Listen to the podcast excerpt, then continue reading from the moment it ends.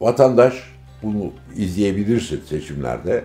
Enflasyonu arttırdı diye hiçbir zaman bir iktidarı cezalandırmamış. Yani bu çok açık seçik ortada. İşte 94 krizi oldu. Enflasyon %150'ye çıktı. E ne oldu Tansu Çiller? O bir bilmece. O çünkü hakikaten o beni uzun süredir şey yapıyor. Çünkü bakıyorsun 10 yıl enflasyon ortalama %80. Ondan evvelki 10 yıl %60. Yani 80-90'a bakıyoruz ya da %40. Ya şimdi bu dönem 20 yıl ortalaması.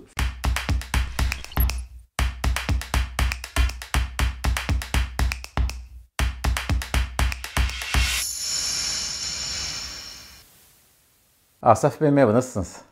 İyi olmaya çalışıyoruz. Ee, Asaf Bey teşekkür ederiz odanızda, üniversitedeki odanızda bizi e, misafir ettiğiniz için. Bugün sizinle konuşacağız. Bugün sizi bulmuşken tabii ki Türkiye'nin enflasyonla mücadelesini konuşacağız. Ama bunu e, bugün son dönemde tartışılan faiz, enflasyon, işte KKM üzerinde değil de biraz daha genel çerçeve tartışacağız. Biraz da tarihi bir bakış açısıyla tartışacağız. Öncelikle şunu sormak istiyorum. Şimdi siz bu konuyu zaten uzun bir kariyerde hep anlatıyorsunuz. Hem ekranlarda hem üniversitede. Ee, ben onları biraz taradım ve diyorsunuz ki esasında bunun tekniği çok zor bir şey değil. Bunun siyasi irade lazım buna diyorsunuz. Ee, ve yaptığınız bir sunumda da Türkiye'nin bir sene bir defa %6.3'e kadar düşürebildiğini, onun da bir sene olduğunu ve bunun da dünyada göre esasında yüksek bir enflasyon olduğunu söylüyorsunuz. Hatta benim çok ilgincime gitti. 80 darbesi dönemini anlatıyorsunuz ve diyorsunuz ki orada da %31'e kadar düşmüştü. Neden düşüremedi Kenan Evren hükümeti diye sorguluyorsunuz. Türkiye üzerine şunu sormak istiyorum buna bakınca. Türkiye'deki enflasyon siyasi bir analiz mi gerektiriyor yoksa ekonomik bir analiz mi? Yani ikisini de, ikisini de yani bir kere iki, iki şeye de bakmak lazım. Şu anlamda iki şeye de bakmak lazım. Bir, her şeye rağmen neticede enflasyon bir dizi ekonomik mekanizmanın çalışmasıyla ortaya çıkıyor. Dolayısıyla hangi mekanizmaların etkili olduğunu, hangi iktisadi süreçlerin etkili olduğunu iyi anlamak lazım. Birincisi yani onu anlamazsanız zaten bir adım atamazsınız. İkincisi de nasıl olup da enflasyona yol açacak iktisat politikalarının uygulandığına bakmak lazım. Orada iki şey devreye girecek. Bir, iktisat politikası uygulayanların hataları olabilir. Yanlış yapıyor olabilirler. Yani yanlışların sonucunda. Arzulandığı için değil, arzulanmasına rağmen, enflasyon istememelerine rağmen yanlış yapılmasından dolayı sorunlar çıkabilir. İkincisi bir de olayı görebilirler, bunun enflasyona yol açabileceğini anlayabilirler. Ama ona rağmen bir dizi siyasi karar alıcıların kendi siyasi tahditleri ya da kendi siyasi süreçleri neyse dinamikleri sonucunda onu yapmayabilirler. Yani ikisi de bir arada. Sadece ve sadece siyasete bakarak enflasyonu anlamamız mümkün değil. Ama sadece dar anlamıyla iktisadi mekanizmalara bakarak da anlamamız mümkün değil. Onun için ikisini birden hep bir arada götürmek lazım. Hem olayın teknik, dar anlamıyla iktisat diyelim ona. İktisat politikaları dar anlamıyla. İkincisi de o iktisat politikalarını yapanlar. İkisini beraberce götürmek lazım. E, peki mesela siz bugünkü enflasyonist ortamı, yüksek enflasyonu e, işte siz yine bir sunumunuzda 70'lerde 80'ler arasında Türkiye'nin ilk enflasyon dalgasıyla karşılaştığını, ikinci enflasyon dalgasında 94'te tepe yaptığını, şimdi üçüncü enflasyon dalgasında olduğunu söylüyorsunuz. O dönemle karşılaştığınız ne gibi farklar görüyorsunuz? Bir kere baştan bir e, optik farkına küçük de olsa işaret ederim. Türkiye'de maalesef enflasyon deyince ilk akla gelen gelir dağılımı. Halbuki enflasyonun esas yarattığı sorun büyüme üzerine olumsuz etkisi orta uzun dönemde. Biz pastanın paylaşımından, enflasyon pastanın paylaşımına ne etki yapıyor o kadar odaklanıyoruz ki ya bu enflasyon pastanın büyüklüğüne ne etki yapıyor? O soruyla fazla ilgilenmiyoruz. Onun için enflasyona bakarken sadece gelir dağılma etkilerine değil, aynı zamanda mutlaka büyümeye olan etkisine bakmak lazım. Orada da şöyle bir ezber var çünkü. Enflasyon büyümeyi hızlandırır diye bir evet, ezber aynen. var. Bu kısa dönemde özel koşullarda olan bir şey. Çok özel koşullar olması lazım ki enflasyon büyümeyi hızlandırsın. Yani Türkiye'nin enflasyonla mücadelesindeki önemli engellerden biri olarak karşısında zaten o benim demin ilk sözüne ettiğim yani iktisat politikaları. Dolayısıyla enflasyonu yanlış anlamasından da kaynaklanıyor. E, şu yok yani mu enflasyonun ne olduğunu, neden enflasyon olduğunu anlamıyorsan kafanda Amerika'da üretilmiş, Amerika için üretilmiş işte günün son modası neyse enflasyon modası. Onda bir teori varsa Ya bu Türkiye'de bu mu geçerli yoksa başka şeyler mi geçerli? Acaba Amerika'nın teorisi zaten kabul edildi. Amerika için de doğru mu? O bile belli değil. Böyle böyle bakınca işler iyice anlaşılmaz ve karışır hale geliyor. İstersen oradan başlayalım yani enflasyon analizine baktığında uzun süreçte bu, işte bu faiz muhabbetiyle beraber enflasyon hedeflemesi ondan evvel şey vardı moneterizm, Monetarizm, moneterizm vardı, para arzı, sonra enflasyon. Aynı ekoldür bunlar yani. Bunu da unutmamak lazım. Yani monet şey enflasyon hedeflemesi moneterizm içinde bir ekol olarak düşünmek lazım. Ama yani bunlar bunlar işte son 20-30 yılın şeyi onlar evvel insanlar şey enflasyonunla ilgili çok daha farklı fikirleri vardı. Çok daha değişik fikirleri vardı. Hala bütün o dönem boyunca da marjda kalan heterodoks denilen iktisatçılar enflasyona çok daha farklı şey yapıyordu. Genel kabul gören ve bizim de Türkiye'deki enflasyonu anlamak için kullandığımız teorinin yetersizliği 2008'den itibaren zaten iyice belirginleşmeye başladı. Amerika'da belirleşmeye başladı değil mi? Ne oldu?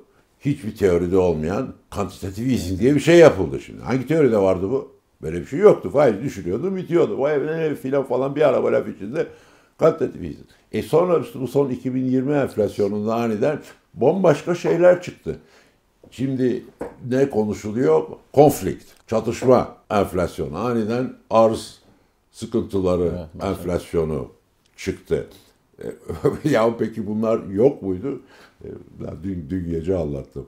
Ben yani 1966'da Kenan Bulutoğlu'nun e, iktisat seminerinde, ilk seminerimde paper hazırladığı e, konusu çatışma enflasyonuydu. Bunlar bilinen şeylerdi. Yani enflasyonun böyle sadece ve sadece parasal bir olay olmadığı, enflasyonun bayağı karmaşık bir süreç olduğunu, bunun içinde gelir çatışmasının olduğu, bunun içinde arz şokları diyebileceğimiz, dış ticaret hadlerinde değişmeler, açık ekonomilerde büyüme modeli seçilen nasıl büyüyecek, iç piyasayla mı büyüyecek, ihracatla bunların enflasyondan bağlantılar olduğu filan bütün bunları döviz kuru hikayesi oldu yani evet. hem terms of trade hem de sanayileşme tercihi olarak bizim gibi ülkelerde bütün bunların şey şimdi bu, bu çerçevede bak bak yoksa öbür türlü faiz artır faiz indir şey de kayboluyor bir toplumun da fazla çekmiyor diye e, düşünüyorum. Geçmişe gelince Ellerin Türkiye ekonomisi çok farklı. Ellerin Türkiye ekonomisi yani 1950 yılında nüfusun %80'i tarımda çalışıyor. %80'i köylerde, kırsal bölgede yaşıyor filan yani. Çok farklı bir ekonomi. Zaten onun enflasyonu da küçük bir enflasyondur. Yani böyle 1-2 yıl 20'ye çıkar. Şeyde darbe olduğunda 60'ta, 60'ta sıfıra düşmüştür enflasyon. Hatta 61'de eksidir hafif. Yani sıfırdır. Yani enflasyon sorunu, enflasyon yükselir ve çözülür bir enflasyon sorunu, bir kronikleşmiş enflasyon sorunu yoktur. Esas enflasyonla tanışması Türkiye'nin 70'lerin popülizmidir. Ama çok ilginç senin de söylediğin gibi bizde genellikle enflasyon şöyle tefsir edilir. Efendim açık söylenmese de işte popülizm var, işte niye demokrasi var, e, gelir dağılımı hikayeleri var.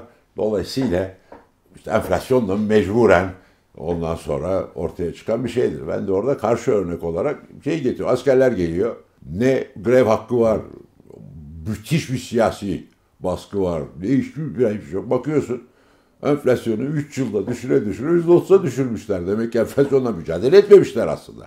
İktidarda kim var? Askerler var.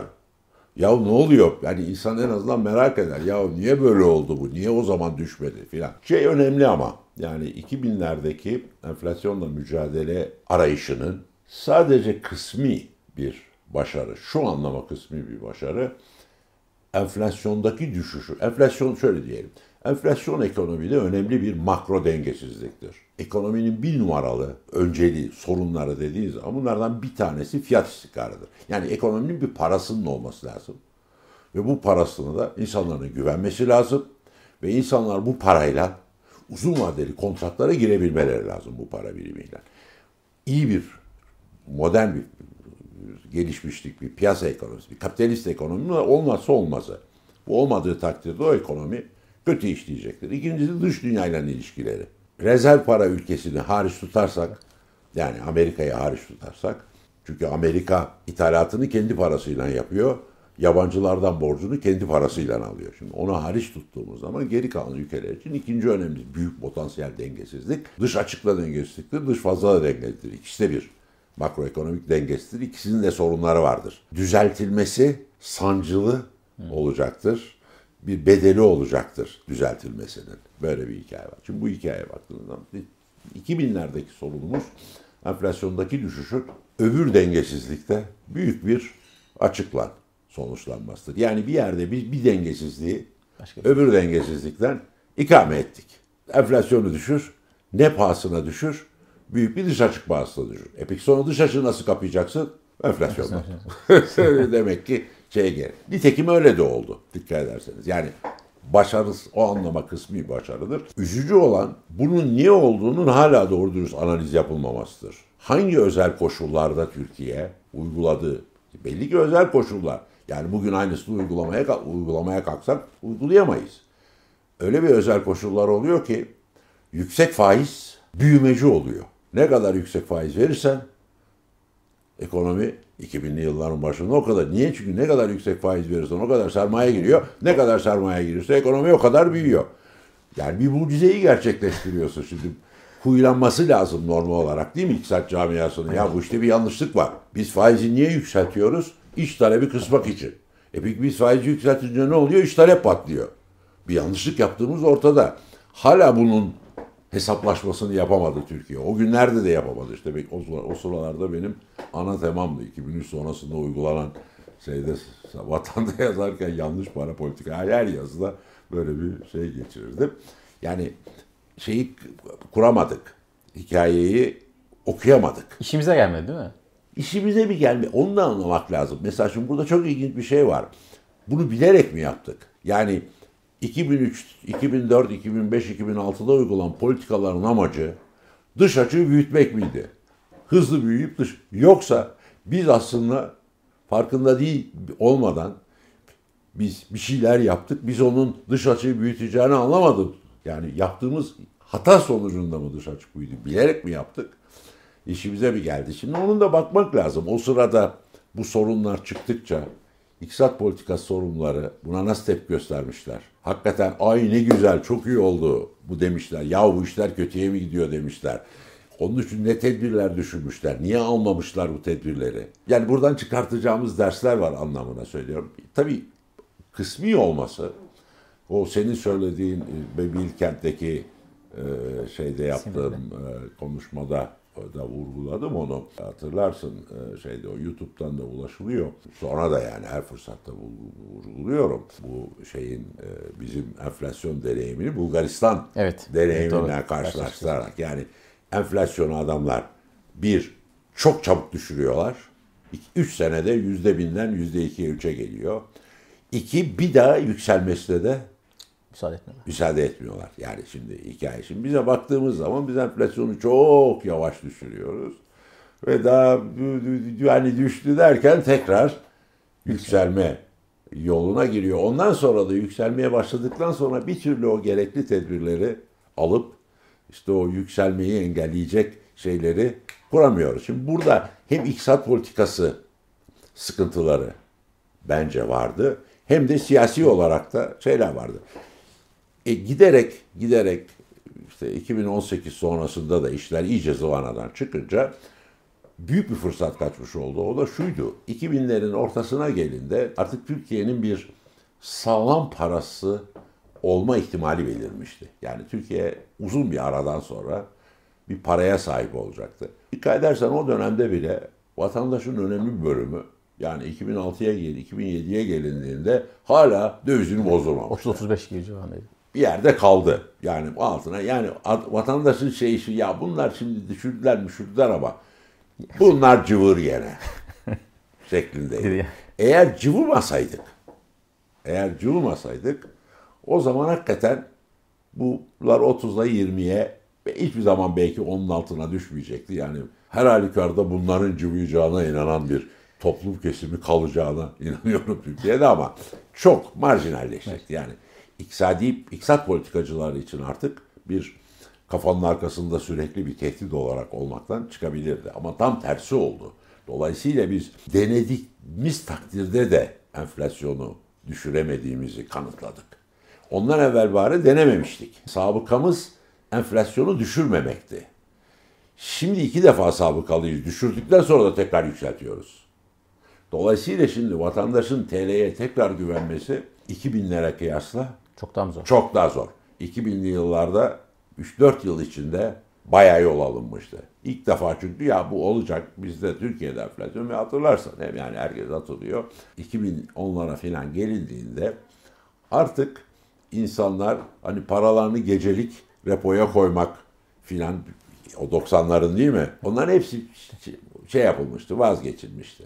Yani normal insanlar şey gibi fiyat artışları işte 7'lerde 8'lerde filan biraz dışarıda kıyasla hala biraz şeydi ama insanlar TL ile düşünmeye, TL ile tasarruf etmeye, TL ile yaşamayı bayağı yol almışlardı. Şimdi gene tabii o tümüyle bitti.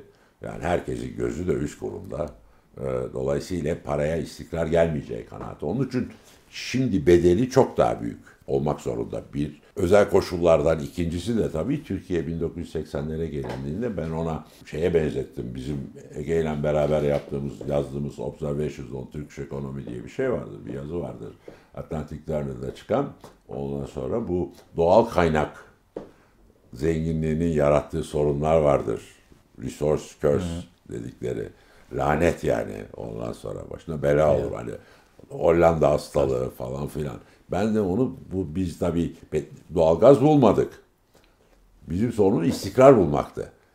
İstikrar başımıza bela oldu. İstikrarın gelmesiyle beraber paramız aşırı değer kazandı. Niye? Çünkü 2000'lerin başına gelindiğinde hem Türklerin hem yabancıların TL cinsinden varlığı yok gibi bir şeydi. Dolayısıyla müthiş bir TL cinsinden varlıklara talep oldu. Talep oldu. Dolayısıyla biz o süreçte niye TL cinsinden varlıklara talep vardı? Çünkü firmaların bilançolarında düzgündü. Döviz riski, viski falan filan. Bankalarınki düzgündü. E devlet de zaten büyük büyük faiz dışı fazlalar yani dünya tarihinde ender görülen faiz dışı fazla. Yani inanılmaz bir sıkı maliye politikasıyla da bunun gerçekleştiğini unutmamak lazım. Öyle olunca Türkiye büyük bir sermaye girişi olabildi. Ve o da bize işte enflasyon, hızlı büyümeyle enflasyon düşürme deneyimini Yaşat. yaşadı. E şimdi bilançolarımız aynı yerde değil. Artı bir de buna genel siyasi ortamı ekle yani Türkiye'nin işte AB üyeliği, Gümrük Birliği'nin sonuçları alınıyor. Avrupa Birliği'ne tam tam tam üyelik söz konusu birbiri ardından reformlar yapıyor. Bugünkü siyasi Türkiye Batı Batı ittifakı içinde yeri sağlamlaşıyor filan. E şimdi bugün çok farklı bir yerdeyiz. Dolayısıyla şimdi dış kaynak da yok. Dolayısıyla işler büsbütün sıkıştı. Bunların ama geleceğini görmek, görmek mümkün değil. Yani ben 2018'den hatırlıyorum. Yani şey olduğu zaman bile bu Wright Bronson krizi öncesinde bile arkadaşlar artık dış kaynaklan yönü şöyle dış kaynaklan şöyle sağlam sağlıklı dış kaynaklar büyüme potansiyeli bitmiştir. Bundan sonra dış kaynaklan büyüme ancak çok sağlıksız dış kaynak. Yani geleceği satarak kırılganlığı arttıran nitekim daha sonraki bizim dış açık finansmanına baktığımız zaman dış açık finansmanı büyük ölçüde rezervler, mezerler, sağlıklı bir kaynağı tek, dış finansmana tekabül ettiği söylenmiyor. Mümkün değil. Halen de yani şu anda Türkiye'nin işte Türkiye şey gelebilir mi? Gelebilir. Ne gelir? En sağlıklısı yani kısa vadeli sıcak para gelebilir. O kadar. Başka hiçbir şey gelme ihtimali yok. Arkada da birikmiş tabii bütün swaplar, şeyler, merkez bankalarına borçlar, borçlar, eksi rezervler, rezervler var. Yani öbür tarafta da onlar var. Dolayısıyla o, o şey de bitti. Peki Asaf Bey şeyi sormak istiyorum. Şimdi toplumun buna bakışı enflasyon. Şimdi sonuçta birkaç kuşakta enflasyon, yüksek enflasyonu yaşamaya alışmış bir toplumuz. Burada toplum e, insanla yüksek enflasyonu karşı eşdeğer bir bakışı veya buna karşı bir tepkisi yok mu? Yani böyle şey şöyle bir talep yok mu vatandaştan? Ya şu enflasyon düşsün. Şimdi burada iki şey aklıma geliyor. Biraz önce ikisinden de bahsettiğiniz esasında bir enflasyon fakirden zengine geri transferi deni. Bir de işte enflasyon büyüme arasındaki tercihi Türkiye büyüme tarafından kullanmıştı e, deni. Bu ikisi yani vatandaş da böyle bir tercih mi yapıyor? Yani yüksek büyümeyi mi tercih ediyor veya geri transferi o kadar yok mu? İki soruyu ayırt edelim bir defa. Birincisi bu gelirlerle ilgili olarak. Şunu kesin söyleyebiliriz. Kısa dönemde yani enflasyon ani sıçramalar, yukarı doğru sıçramalar yaptı, yaptığında ücretli kesimin önemli bir bölümü bundan kaybeder. Yani reel gelir düşüşleri yaşar. Ama yüksek enflasyonda 10 yıl sürmüş bu devam eder mi sos? Yani 1990'lar ortalaması ortalama enflasyon yüzde 80. Eğer enflasyon düşük gelirlerin gelir dağılımı aleyhine bozuyorsa bizim 90'lı yılların sonuna geldiğimizde değil mi? Artık yani facia bir durum var. belli ki belli ki öyle olmamış. Belli ki bir şekilde yani. Demek ki yani o öyle mekanik bir ilişki orta vadeye geldiğimizde onu söyleyemiyoruz. İkincisi toplumda netice itibariyle Türkiye'de e, ücretle çalışanların çalışanlar içindeki oranı işte yeni yeni yüzde altmışlara filan çıktı. Ondan evvel yani 2000 öncesinde zaten yüzde kırktı. Bu 90'lı yıllarda yüzde kırktı. Yani enflasyondan bu anlama etkilenenler onlar. Bu Ege ile de bizim programda çok vurguladığımız bir şey. Şimdi enflasyon ne kadar artıyorsa milli gelir de o kadar artar nominal olarak. Tanım icabı yani. Enflasyon gelirdir. Birisinin geliri artmadan fiyat artamaz. Fiyat artıyorsa mutlaka birisinin geliri artıyordur. Eğer toplumun önemli bir kesimi nominal gelirini fiyatlarla beraber arttırabiliyorsa o zaman tabii o sorunda dediğimiz sorun daha kısık kalacaktır. Üçüncü olarak hangi kesim ne tarafa oy veriyor? Eğer iktidara yani iktidarı destekleyenler içinde enflasyondan az etkilenenler o zaman bu seçim satım haline de yansımaz. Bir de yani genel perspektifte de baktığımız zaman hep şeyi söylemişimdir. Toplumun da enflasyona karşı bir genel şeyi oluyor. Türk toplumunda benim anladığım kadar önemli bir bölümü kafasında enflasyon bir felakete tekabül etmiyor.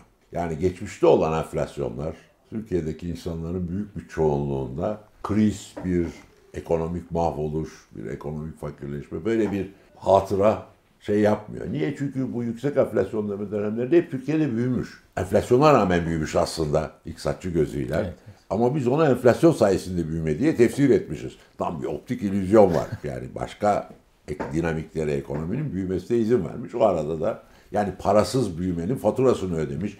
Eğer enflasyon olmasaymış yani Türkiye'nin 1980'den bugüne diğer başarılı Kore gibi, Çin gibi vesaire, Hindistan gibi enflasyon yapmadığını düşün. Büyük bir ihtimalle milli gelirimiz bugün belki yüzde elli, belki yüzde altmış, belki iki katıydı. Daha fazlaydı yani çok daha. Ama onu görmüyoruz biz. Büyümeyi görüyoruz, enflasyon da var diye görüyoruz. Netice itibariyle şöyle bir durum var. Vatandaş bunu izleyebilirsin seçimlerde enflasyonu arttırdı diye hiçbir zaman bir iktidarı cezalandırmamış. Yani bu çok açık seçik ortada. İşte 94 krizi oldu. Enflasyon %150'ye çıktı. E ne oldu Tansu Çiller? Başbakandı, başbakan yani. oldu. Şeyden. Tabii Erbakan hikayesi filan ama yani ikinci parti düştü ama yani, yani. Çok büyük bir ödeme tabii. tabii. Ama yani düşün enflasyonu %150'ye çıkmış ha. Ekonomide %6 filan büyümüş. Ben şakayla karışık işte bu 2023 seçimlerinin toplumun enflasyonla ilişkisi açısından önemli bir gösterge olacağını söyledim. Yani işte yönetim aldı. Enflasyonu %15'ler civarındadı. Civarındaydı. Kaç? %60'larda seçime gidiyor. Şimdi vatandaş buna ceza kesecek mi, kesmeyecek mi? Belli ki kesmedi. Yani netice itibariyle tabii, tabii. yükselten yönetimi tekrar seçti oraya. Yani tereddüte tereddüte. Şimdi aynı şeyin Almanya'da olduğunu düşün. Yani Almanya'da bir partinin iktidara geldiğini, enflasyonu %2'de alıp %12'ye çıkarttığını düşün büyük bir ihtimalle 3-4 dönem o partinin iktidardan uzaktan yakından ilişkisi var. Niye? Çünkü Alman toplumunun aklında hiperenflasyon var. Müşterek hafızada, müşterek hafızada hiperenflasyon var. Ve hiperenflasyondan sonra Hitler'in gelmesi var. Ve dolayısıyla bir şekilde kafasında yüksek enflasyon kötü bir şeydir. Böyle bir denklem kurulmuş. Bizde böyle bir denklem yok. Şimdi Asaf Bey 2000-2001 krizlerinden sonra AK Parti iktidar gelişi var. 2008 küresel ekonomik krizden sonra 2009 yerel seçiminde AK Parti'nin çok ciddi düşmüştü. Bu iki örneğe bakarak ve tabii ki daha önceki tarihsel sürece bakarak Türk seçmeninde ekonomik büyümeye hassasiyeti var diyebilir miyiz? Yani ekonomik küçüldüğünde, daraldığında buna mı tepki veriyor? Türkiye'nin sinir ucu bu mu? Yani evet öyle düşünmek lazım. Yani Türkiye'de toplum nezdinde enflasyonun kötü bir şey olduğu görüşünün yaygınlaşması, bunun sebebinin uygulanan iktisat politikaları oldu. Dolayısıyla hükümetin yani bizim verdiğimiz oyların bunun birebir müsebbibi olduğunun anlaşılması öyle ya da böyle toplumun önce enflasyonun kötü bir şey olduğunu anlamasını içeriyor. Nasıl olabilir? Bu ancak ve ancak e, toplumun güncel yaşamına yansıması işsizlikler olabilir. Yani şimdi eğer Türkiye'nin bence gelmiş olduğu noktada bu makroekonomik istikrarsızlıklarla özellikle de enflasyon dediğimiz kendi parasının olmamasının büyüme hızını artık ciddi şekilde aşağıya çekmeye başlayacağı.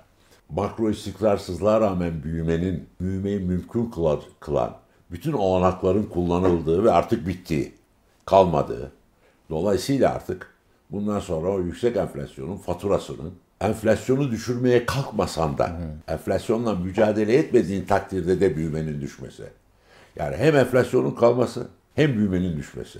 Yavaş yavaş. Böyle bir şey olur ve bunun da esas sebebini toplum anlarsa o zaman şey yapabilir. Yani işsizlik kriz dediğimiz esas yani şimdi giderek işsizlik oluyor.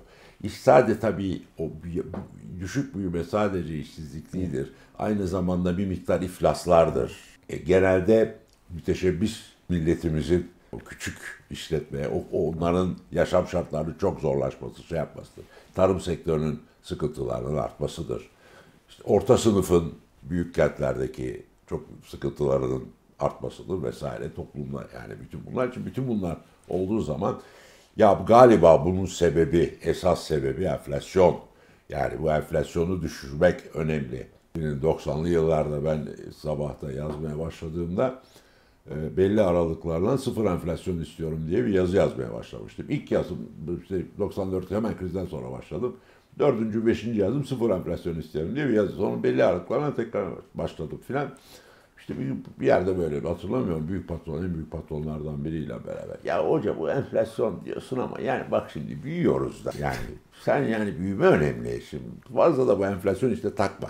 Yani genel tavır oydu. Biz büyüyoruz, şey yapıyoruz hikayesi. 50'lerdeki enflasyon Türkiye'de iş aleminin ilkel sermaye birikimini gerçekleşmesinde önemli bir faktör olmuştu. Orada gelir dağılımı memurlardan, daha imtiyazlı zümrelerden reel memur maaşları hızla düşerken oluşan arada bilgi gelir de hızla arttığı için toprak bol, traktör girmiş vesaire o oluşan rantların döviz tahsisleri aracılığıyla, enflasyon ve kara borsa aracılığıyla şey. Dolayısıyla oradan da bir şey var. Yani borç alıyorsun, enflasyon sayesinde borç negatif faizli aslında. Ne kadar borç alırsan o kadar zengin oluyorsun. Çünkü yani ondan bir şey alıyorsun, onun fiyatı artıyor, faiz eksi. De, de, seçimlerden önce yaşadığımız süreçte. Yani, yani evet, evet yani ondan sonra dolayısıyla yani orada tabii daha bilinçli kesimler şeyi anlıyorlar Peki ya Türkiye büyüklüğünde bir ekonomi yani niye işte Kore dün bir sürü büyük multinational olurdu. Onların hiçbiri bizden Yok. eski firmalar. Niye? E, çünkü enflasyon. Niye Türkiye'de bu kadar kayıt dışı var? Haksız rekabet. Çünkü enflasyon. Niye Türk firmaları büyüyemiyor? Siz şey demişsiniz bir adine.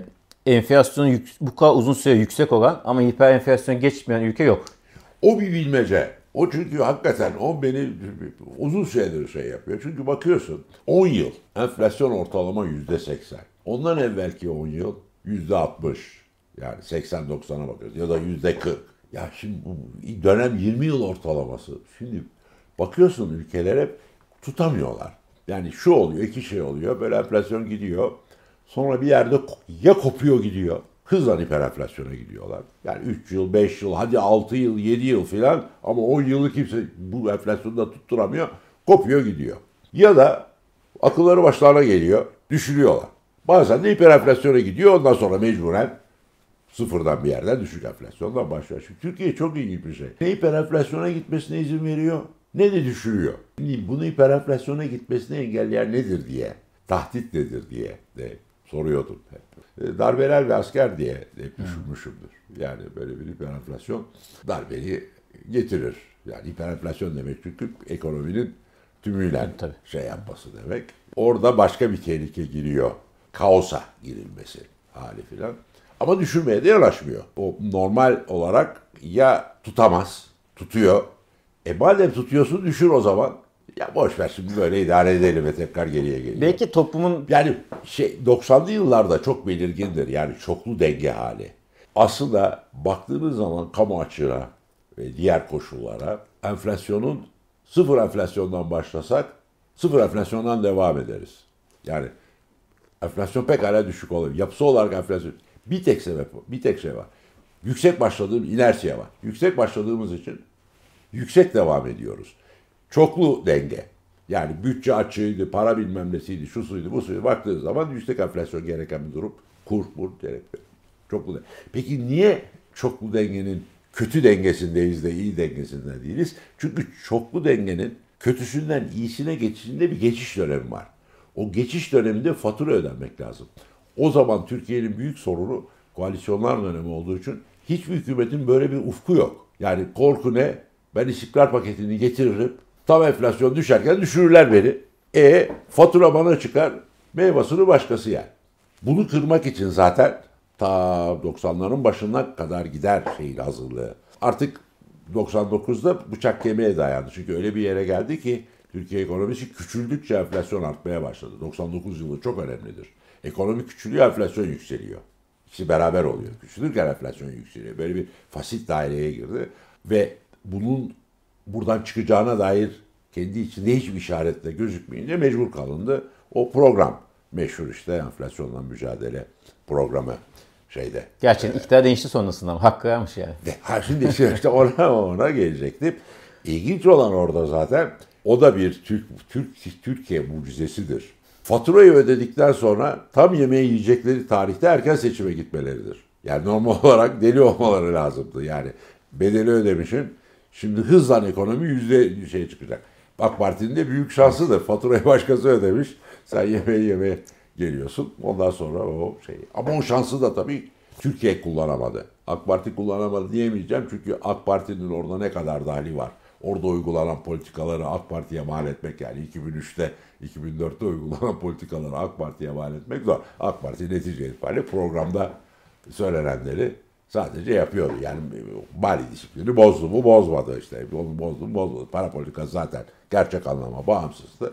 Dolayısıyla yani nasıl ki kriz IMF denetiminde ondan sonraki 2003-2006 arasındaki şey de büyük dış açık sorunu yani TL'nin aşırı değerlenmesi ve büyük dış açık hikayesi de e, gene IMF gözetimi altında şey yapabilir. AK Parti'nin zaten kendi iktisat politikalarını uygulamaya başlaması büyük ölçüde 2008 yani küresel, küresel krizle beraber başlar. Bir şey de denendi. Yani Babacan 2000 başlı beraberce bir yumuşak iniş, evet. iltizamlı düzeltme denediler. Onun da niye başarılı olmadığı, Hakan biraz Hakan Kara falan yani o tip analizler yapıyor orada yani şey yapıyor içinde olduğu için.